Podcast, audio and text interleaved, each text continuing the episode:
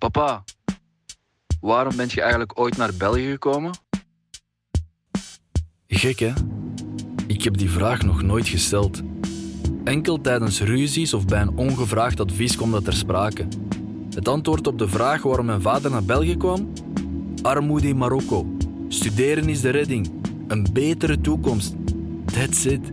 En voor de rest stelde ik ook geen vragen. Want ik ging ervan uit dat elke Marokkaan, elke inwijkeling naar hier komt voor een betere toekomst. Ook al is dat ieder met zijn eigen motief, zijn eigen verhaal. Maar mijn eigen verhaal, dat van mijn vader, sorry, dat ken ik niet. Hoe meer ik vragen stel, hoe meer ik antwoorden verwacht. De vraag stellen is ze beantwoorden, zeggen ze. Ik snapte dat nooit echt. Want waarom zou ik, als ik het antwoord al heb, de vraag nog stellen? Maar ja, misschien wel. Misschien is het stellen van die vraag vooral een poging tot een antwoord. Misschien groeit er met zo'n vraag al ergens diep in uw binnenste een zaadje, een antwoord, een kiem van een gedachte. Maar je wilt het gewoon nog niet zien. Je bent nog niet klaar om zelf wat te vatten. Dus laat je de vraag voor het gemak maar ergens anders landen. In iemand anders zijn gedachten, iemand anders zijn hoofd. Om zo je eigen vraag, je eigen zoektocht in andere woorden te kunnen zien. Maar daar, tussen u en de ander in, ligt het antwoord dan misschien al wel verstopt, subtiel verweven tussen de regels door, aan het wachten, tot ook gij het ziet. En ik besef nu dat ik, ondanks mijn vele vragen, nog niet veel antwoorden heb. Weet je, ik ga dat bericht naar mijn vader wissen. Zoiets vraagt je toch niet via WhatsApp?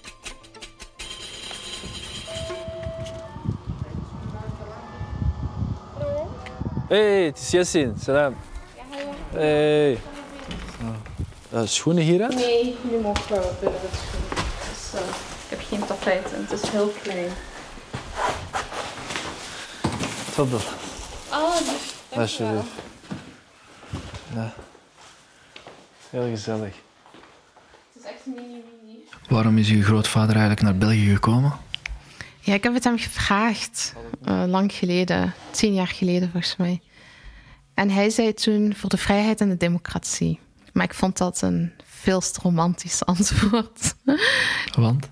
Ik dacht, je bent gewoon gekomen om te werken en om geld te verdienen en een extra verdieping te bouwen op je huisje in Casablanca. De Italianen zeggen soms: Se non è vero è ben trovato. Als het niet waar is, dan is het toch maar goed gevonden. Wij Marokkanen, wij zeggen ja, meestal niks. Of de generatie van mijn ouders, grootouders. Die zeiden weinig of niks. Dat is wat ik dacht, maar zijn antwoord kan inderdaad wel kloppen, want het waren toen ook de lode jaren in Marokko. Dus er waren jaren waarin wordt gezegd van dat er met harde hand geregeerd werd. Uiteindelijk zei hij van ja, ik ben gekomen om, om, om te werken. Hij heeft in een worst- en kaasfabriek gewerkt. En dan mijn oma en haar kinderen, die leefden nog in Casablanca. En een paar jaar later zijn ook zij gevolgd. Aya is schrijfster en columniste. Ze studeerde eerst biowetenschappen en intussen doet ze een extra opleiding Arabistiek. Ik denk dat het ook niet de bedoeling was dat ze de taal beheersten, want ze bleven maar een paar jaar en dan gingen ze weer terug. En om kolen te scheppen heb je niet echt heel veel taal nodig. En wat je daardoor ook krijgt, is dat er niet alleen een generatiekloof is tussen ons en onze ouders en grootouders, maar ook een taalkloof. En ik, ik vind dat jammer. Maar aan de andere kant hebben wij ook een, een cultuuroverdracht die niet talig is. Je moeder zegt geen sorry, maar zegt kom eten. Het doet me denken aan het verhaal van Fatna. Een van de drie vrouwen uit Halfleven, het boek van Aya Sabi. Halfleven is haar eerste echte boek. Een boek over Marokko, maar vooral over drie generaties vrouwen. En Fatna, dat boek, haar verhaal, is er een van stilte. Misschien moet ik even een stuk voorlezen en ook goed om te weten, we zijn midden jaren 50 in Marokko. En Fatna, een van de hoofdpersonages, komt na enkele traumatische gebeurtenissen in het huis terecht van een Marokkaanse revolutionaire, waar ze als kokkin aan de slag kan. Ik vind hun verhalen wel grappig. Ik vind dit leven geweldig. Wat ze ook zeggen om me bang te maken, om het voor zichzelf spannender te maken.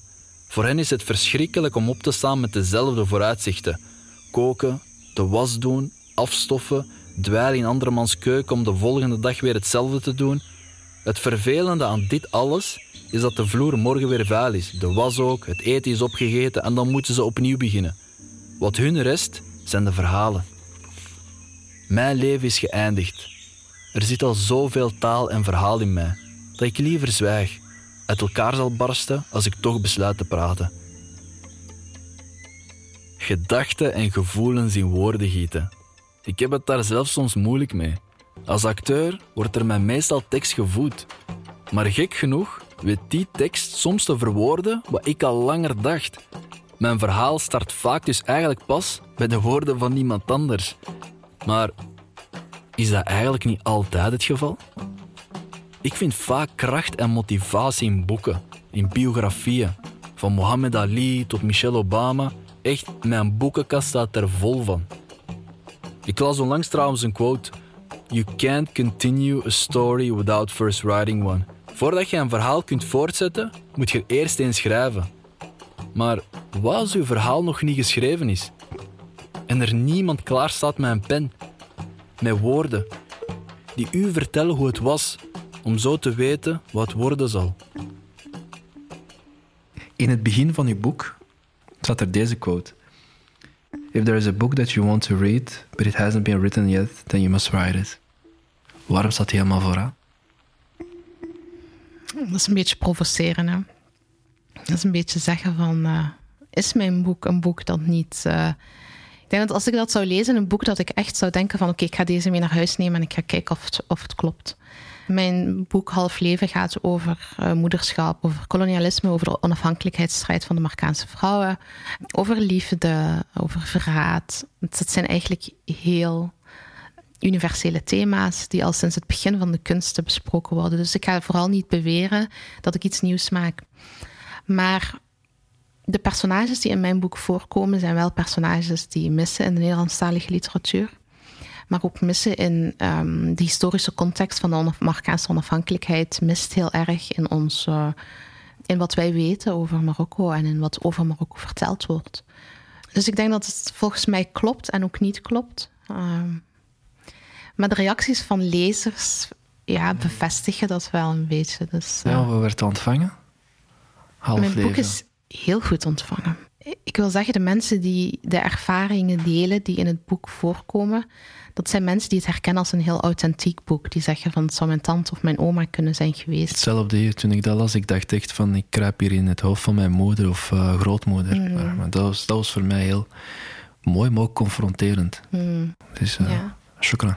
Nee, jij bedankt. Dat is echt het mooiste compliment dat iemand me kan geven, omdat ik wilde vertellen over de traditie, over hoe akelig en vies het kan zijn, maar ook over hoe mooi het kan zijn. En die twee bij elkaar brengen, gewoon hoe het echt is en hoe die vrouwen echt zijn. Ehm, dat ze misschien slachtoffer kunnen zijn van dingen die, die, die er gebeuren, van een ehm, paternalistische traditie op momenten. Maar dat het niet betekent dat die vrouwen slachtoffers zijn, dat ze niets in handen hebben.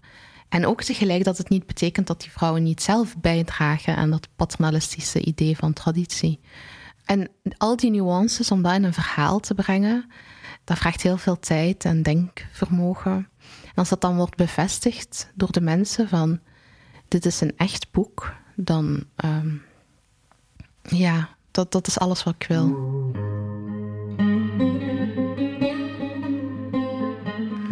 Is er een verschil tussen de Marokkanen van de eerste, tweede en derde generatie? Ja, ik denk dat er een groot, heel groot verschil is. Waar zitten die verschillen? Er zijn heel veel verschillen, maar als ik ga kijken naar half leven en wat ik daarin heb proberen te doen, is ehm, die drie generaties bij elkaar brengen en kijken naar wat hen verbindt. Maar de verschillen zijn natuurlijk ook enorm, omdat die grootmoeder is bijvoorbeeld ongeletterd, Fatma, terwijl Shams, eh, de kleindochter, essays schrijft en ze is heel veel met taal bezig. En eh, ze vindt rationele antwoorden heel belangrijk, want ze zegt er is een pijn in mij en ik weet niet hoe ik die geheeld krijg, want ik weet niet wat er gebeurd is. Terwijl die grootmoeder, die weet wel wat er gebeurd is. Ehm, dus die weet wat voor, wat, wat, wat haar is overkomen, waardoor zij op een bepaalde manier reageert. Maar ze is er helemaal niet mee bezig. Ze, het is ook te groot, het is te verdrietig voor haar. Maar ze is niet bezig met het vertellen van verhalen of het beantwoorden van vragen. Ze is gewoon aan het koken. Ze heeft daar plezier in. Ze ontmoet een man op wie ze verliefd wordt. En haar leven begint ergens anders. Dus terwijl Shams zo verkrampt is en omdat ze zo gefocust is op er is een vraag, er is een antwoord en ik moet dingen weten met mijn hoofd. Terwijl die grootmoeder bezig is met, met haar lijf, met haar lichaam, met mensen ontmoeten. Met, dus zij zakt uit haar hoofd weg. Dus aan de ene kant is Shams degene met de grootste taal, maar heeft zij het minste verhaal. Ze zit maar opgesloten in haar kamer te schrijven en Terwijl die grootmoeder het rijkste verhaal heeft en daar niet per se over praat, maar wel het beleeft. Dat gegeven van niet praten over geheimen, over familiegeheimen, je ouders en je grootouders niet kennen, dat is een heel universeel gegeven. En vooral in de Vlaamse cultuur is dat uh, heel erg bekend. Hè? Um, dat is ook een cultuur waarin er meer gezwegen wordt. Uh, waarin dingen verbloemd worden, op een andere manier gezegd. En het feit dat deze vrouwen nu konden lezen over een familietrauma met personages die zo hard van hen verschilden, waardoor die confrontatie minder groot was, waardoor er meer afstand was. Ik denk dat zij daar ook behoefte aan hadden en dat ze het daarom ook zo, aan, mm. zo, zo raakten. Terwijl de Marokkaanse vrouwen in Vlaanderen, dat was net anders. Zij miste die vertegenwoordiging juist. En mhm. zij wilde juist geconfronteerd worden. Welk gevoel had je zelf na de release van het boek? ik was heel blij, echt euforisch. Ehm, ik heb mijn boek gevierd in de studio in Antwerpen. En er waren 200 mensen gekomen om mijn boek, om mijn boek te vieren. Dat vond ik uh, overweldigend. En uh, iedereen kwam met een txita of een kaftaan. Ook de mensen hè, van de studio die vonden het dan geweldig dat het zo'n um, diverse mix van mensen waren die zich veilig genoeg voelden om in hun traditionele kleding, helemaal uitgedost, um, hartje Antwerpen, uh, zoiets te vieren. Um, en dat was voor mij een heel grote eer dat die mensen mij vertrouwden en een avond van hun leven schonken. Het was heel onwerkelijk, echt waar. had, had jij ook niet ergens soms het gevoel van, verdien ik deze wel? Uh, ik, had, ik had dat bijvoorbeeld zeker toen, toen ik uh, in Prijs won. Mm ik, ik had twee dagen niet geslapen, maar dagen dacht ik van, zijn jij zeker uh, dat, dat, dat hier voor mij is? Of ga ik dat nog terug moeten geven? Ja, ja, dus, dat gevoel, die innerlijke mm. strijd, was van, ben ik wel goed genoeg? Is dat wel zo? Ja, ik heb dat heel vaak. Ook als mensen positief zijn, dan relativeer ik dat altijd. Als mensen negatief zijn, dan weet ik zeker dat ze het over mij hebben. En dan twijfel ik niet. Maar ik denk dat dat ook een heel goed teken is, want dat betekent dat je aan het groeien bent, maar dat je zelf nog even achterloopt. Dat je nog even moet wennen aan die verandering. Dat is mooi gezegd. Ja, ik, ik heb dat niet zelf bedacht, maar ik, heb dat gewoon, ik heb dat ook gewoon ergens gelezen, want die. Um... in 2020 werd je uitverkozen tot uh, een van de literaire talenten van het jaar. Mm. Wat deed dat mee? Ik voel me, net, ik voel me precies aangesproken. Ik heb gewoon je boek gelezen. Ik denk je wel, als een compliment voor mij. Nee, dat is voor u.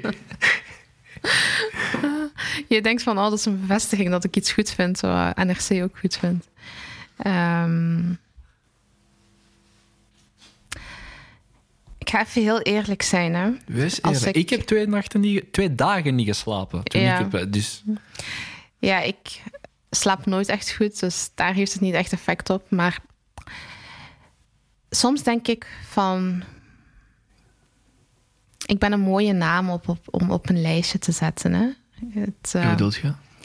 soms voel ik mij alsof ze gewoon een naam met wat kleur op een lijstje willen zetten. En ja, dat is dan wat mijn innerlijke criticus mij vertelt. Want het voordeel van diversiteit dan? Niet per se voordeel. Uh, want uiteindelijk, als je op een lijstje staat, dan win je niet altijd de prijs. Hè? Dan ben je gewoon genomineerd. Uh, maar dan nog, dat is toch iets groots? Dat is toch die er, de erkenning? Dat is zo diep van binnen ook altijd willen.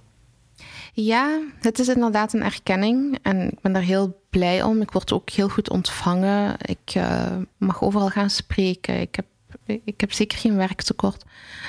ik, word, ik word gezien door de literaire wereld en de literaire organisaties. Maar soms voelt het. Um, en ik heb dat dus ooit gezegd tegen iemand die ook in veel juries zit. En zij zei van. Uh, dat moet je, daar moet je echt mee stoppen met dat te denken. Want um, zij moeten hun keuze ook verantwoorden. En iedereen zit met zo'n vergrootglas te kijken op wie is de jury en wie heeft de jury gekozen. En ze gaan nooit iemand op een lijstje zetten waar ze niet echt in geloven. Aya schrijft niet enkel fictie.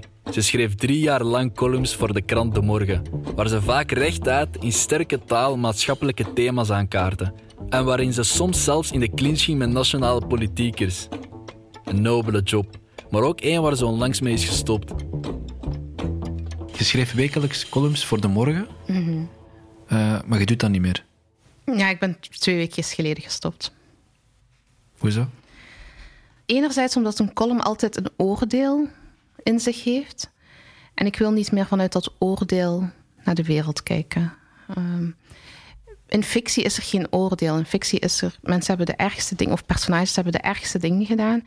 En jij gaat als schrijver altijd op zoek naar het waarom. Ook een half leven, dat zijn niet echt allemaal heel leuke personages. Maar je hebt er wel begrip voor, je leeft erin mee. Ook in mijn novelle Juli, dat is een um, boekje dat, dat is uitgebracht in juli vorig jaar. Dat is eigenlijk een heel racistisch hoofdpersonage. Maar er is, geen, er is geen oordeel in de fictie. Je probeert mensen te begrijpen, je probeert contexten te begrijpen. En in de column is er wel altijd een oordeel. Dit is fout, dit is een probleem. Eh, maar je geeft ook nooit echt oplossingen aan. Dus het is ook heel makkelijk om vanuit de zijlijn een beetje te roepen. Waarmee ik niet wil zeggen dat het niet belangrijk is. Het is belangrijk dat we mensen hebben die ons wijzen op die, uh, op die problemen. Maar ik wou gewoon niet meer die persoon zijn. Heb je het gevoel dat je als vrouw van Marokkaanse migratieachtergrond evenveel mag zeggen als uw Vlaamse collega's? Nee, daar is ook onderzoek naar. Hè? Je kan evenveel zeggen, maar we hebben wel gezien bij uh, bepaalde politici dat dat hun, hun baan gekost heeft. Maar ook schrijvers zoals Rashida Lamrabat. Uh, dat heeft daar ook haar baan gekost. Dus je kan zeker niet alles zeggen. Maar aan de andere kant is er ook al onderzoek naar geweest dat vrouwen van kleur uh, veel harder worden aangepakt. Dat er veel meer commentaar komt. En ik heb dat ook gemerkt toen ik nog voor de VRT schreef. Uh, of toen de redactie.be, was er heel veel, waren er zelfs doodsbedreigingen. En ik was toen 18 jaar toen ik begon. Uh, en nu is dat heel hard geminderd. Ik weet echt niet waar het, waar het aan ligt, maar het is zo precies alsof ze mij wilden breken. Of, en nu denken van, oh, ze is al tien jaar bezig. En ze, wie ze? Ze willen nu breken? Mensen die niet graag uh, vrouwen van kleur of vrouwen met een hoofddoek vooral ook, uh, die het akelig vinden dat wij mogen praten. Ja die aan de ene kant beweren dat we bevrijd moeten worden, maar aan de andere kant, wanneer we zeggen wat, wat wij willen en waar wij achter staan, dat we weer moeten zwijgen. Uh, dus die mensen, denk ik vooral. Er is ooit uh, een foto van mij gefotoshopt met zo'n uh, doeldingetje hier. Zo'n roos, zo'n schietroos hier wow. op mijn voorhoofd. Um, dan moet je echt ziek zijn als je dat als. Ik weet niet hoe oud zij was, zij was in de 40. Uh, als je dat doet bij, bij iemand die nog niet eens 20 jaar is. Um, iemand heeft ooit een uh, brief naar mijn universiteit gestu gestuurd met, hoe zeg je dat, met bedreigingen. Oh ja, maar je hebt wel heavy dingen meegemaakt, dat wist ik niet eens. Nee, want ik ga daar ook niet mee naar buiten, meestal. Um, ik maak daar geen uh, punt van, want dat is ruis. Als ik daar nu op terugdenk, dan denk ik van jij doet het als volwassene bij een jong meisje. Ik heb ook aangifte gedaan bij die vrouw die mijn foto gefotoshopt had. Daar is nooit iets mee gedaan.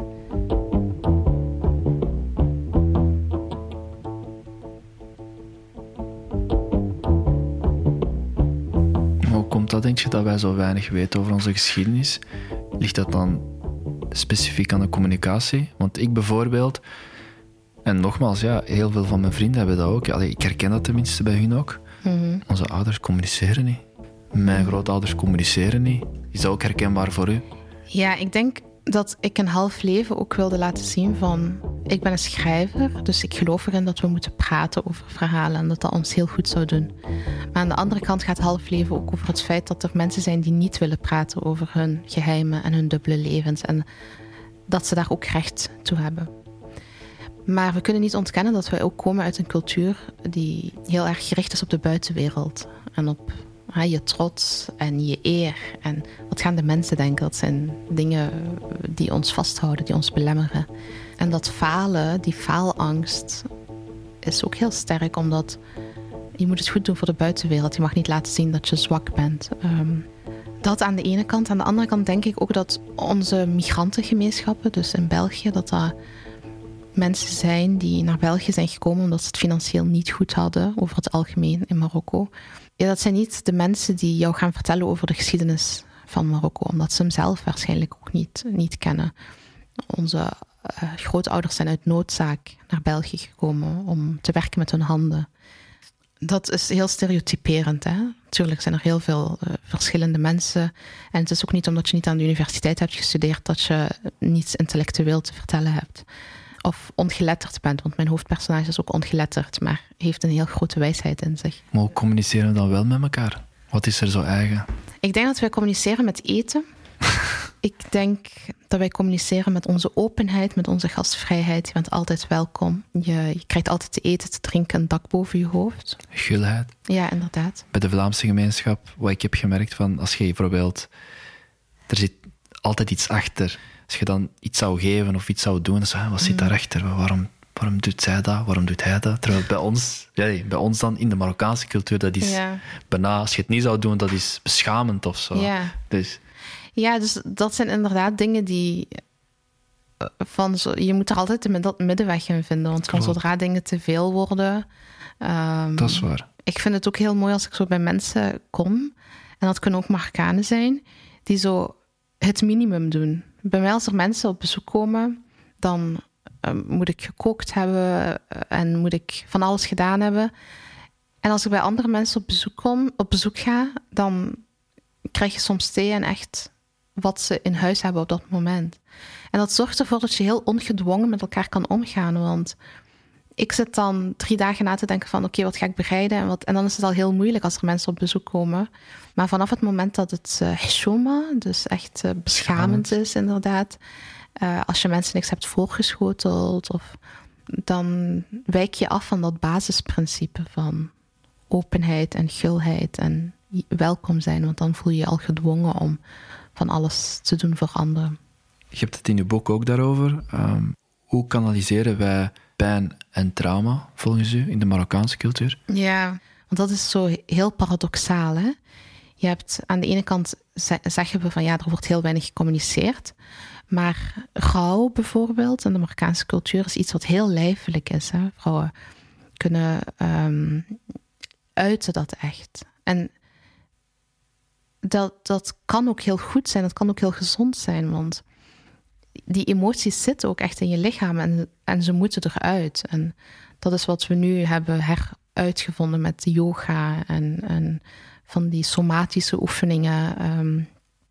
maar daar werd, wordt dat als natuurlijk aangevoeld van ik voel verdriet en dat is in mijn lichaam en dat moet uit mijn lichaam. Dus wat doe ik daarvoor? Heel passioneel. Ja, Wij zijn heel emotioneel en passioneel. inderdaad. ja, ja. dat is... En ook met begrafenissen bijvoorbeeld. ja, iemand sterft en mensen komen naar het huis, brengen eten, ontlasten je van heel veel dingen.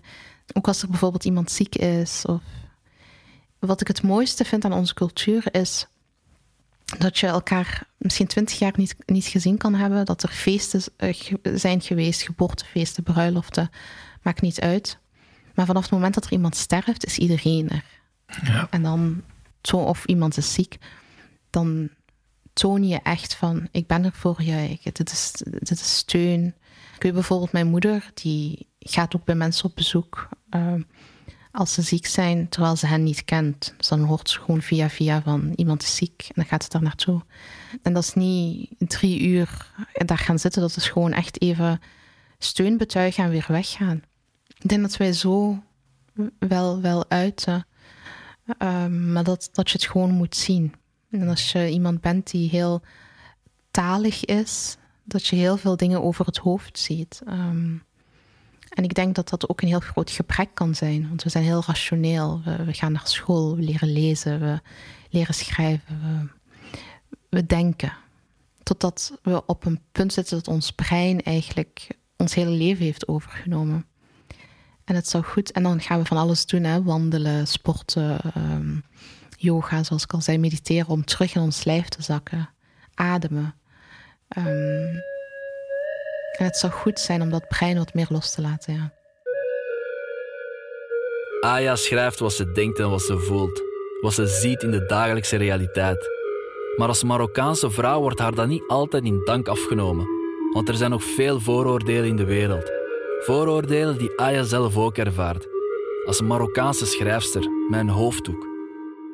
In, uh, in Vlaanderen is er uh, vaak veel te doen rond vrouwen met een hoofddoek. Ik heb de indruk dat, er, dat een vrouw met een hoofddoek vaak wordt gezien als iemand die onderdrukt is. Uh, hoe vind je daar zelf van?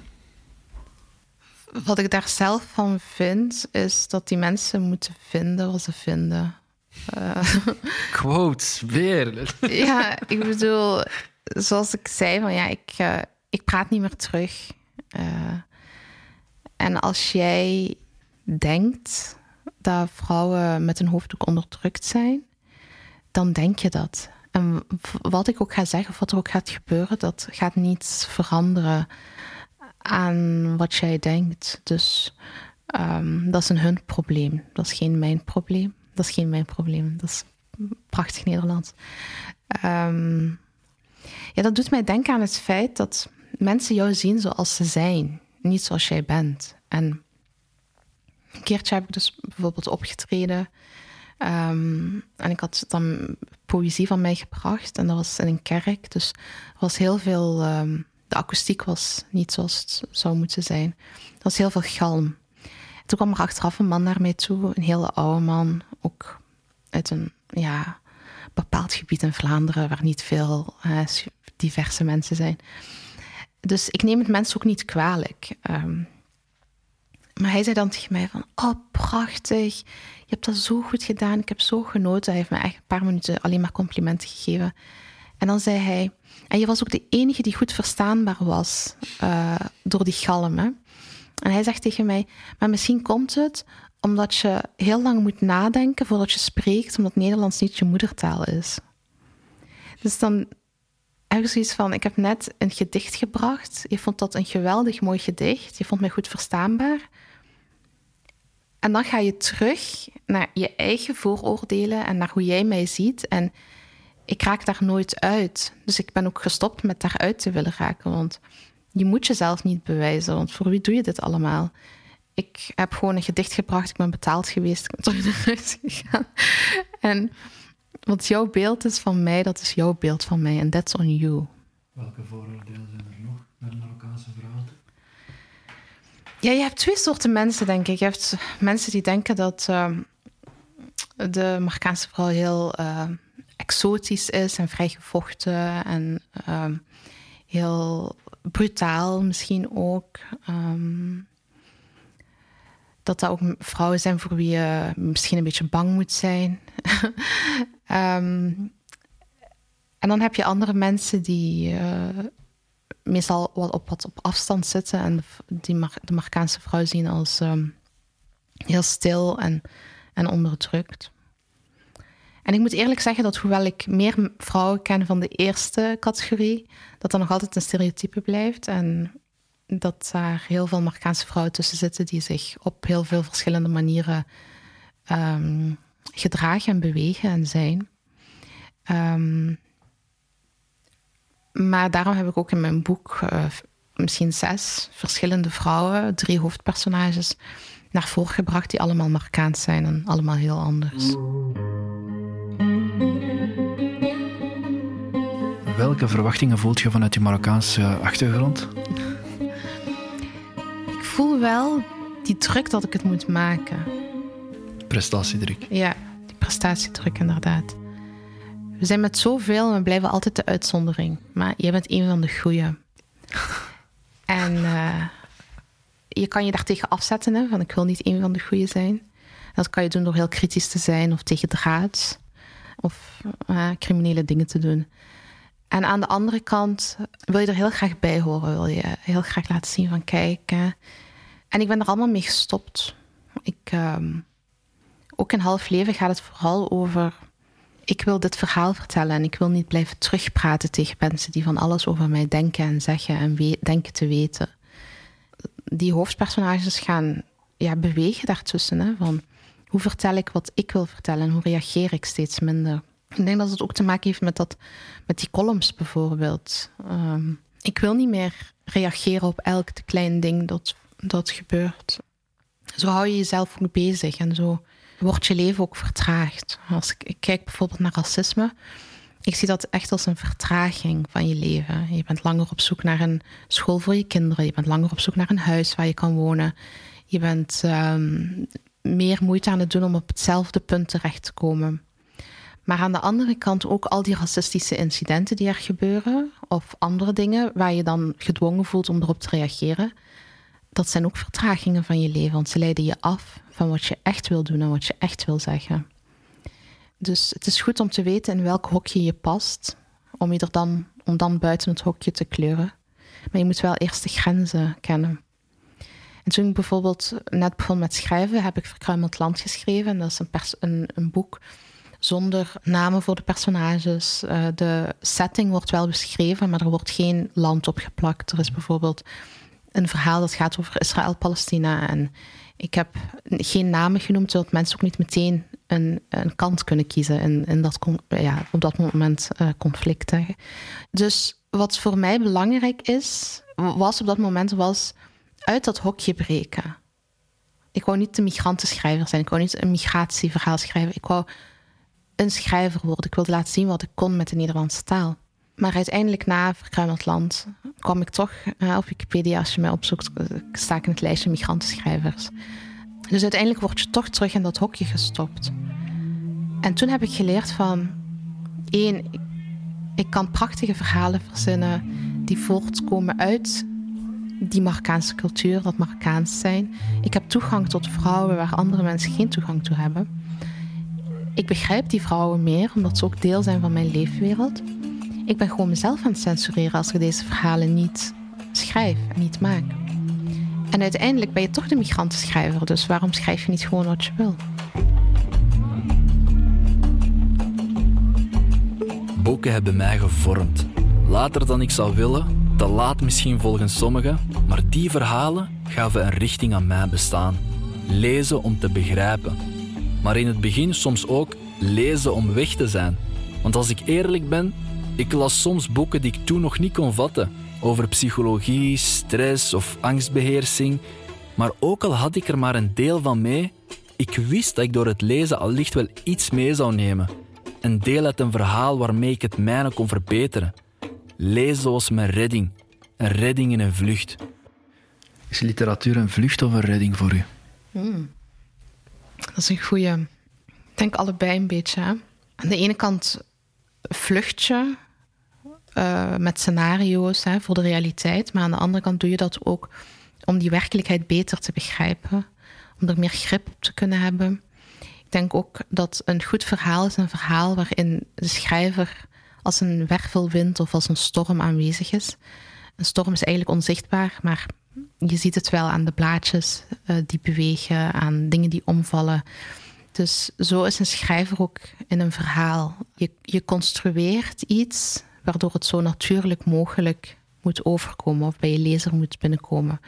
Je, je verzint eigenlijk dingen, zodat de lezer het dat is paradoxaal aan schrijven, zodat de lezer het ervaart als iets wat echt is, wat waar is. Je personages zijn gecreëerd, maar voor mij zijn het wel echte mensen.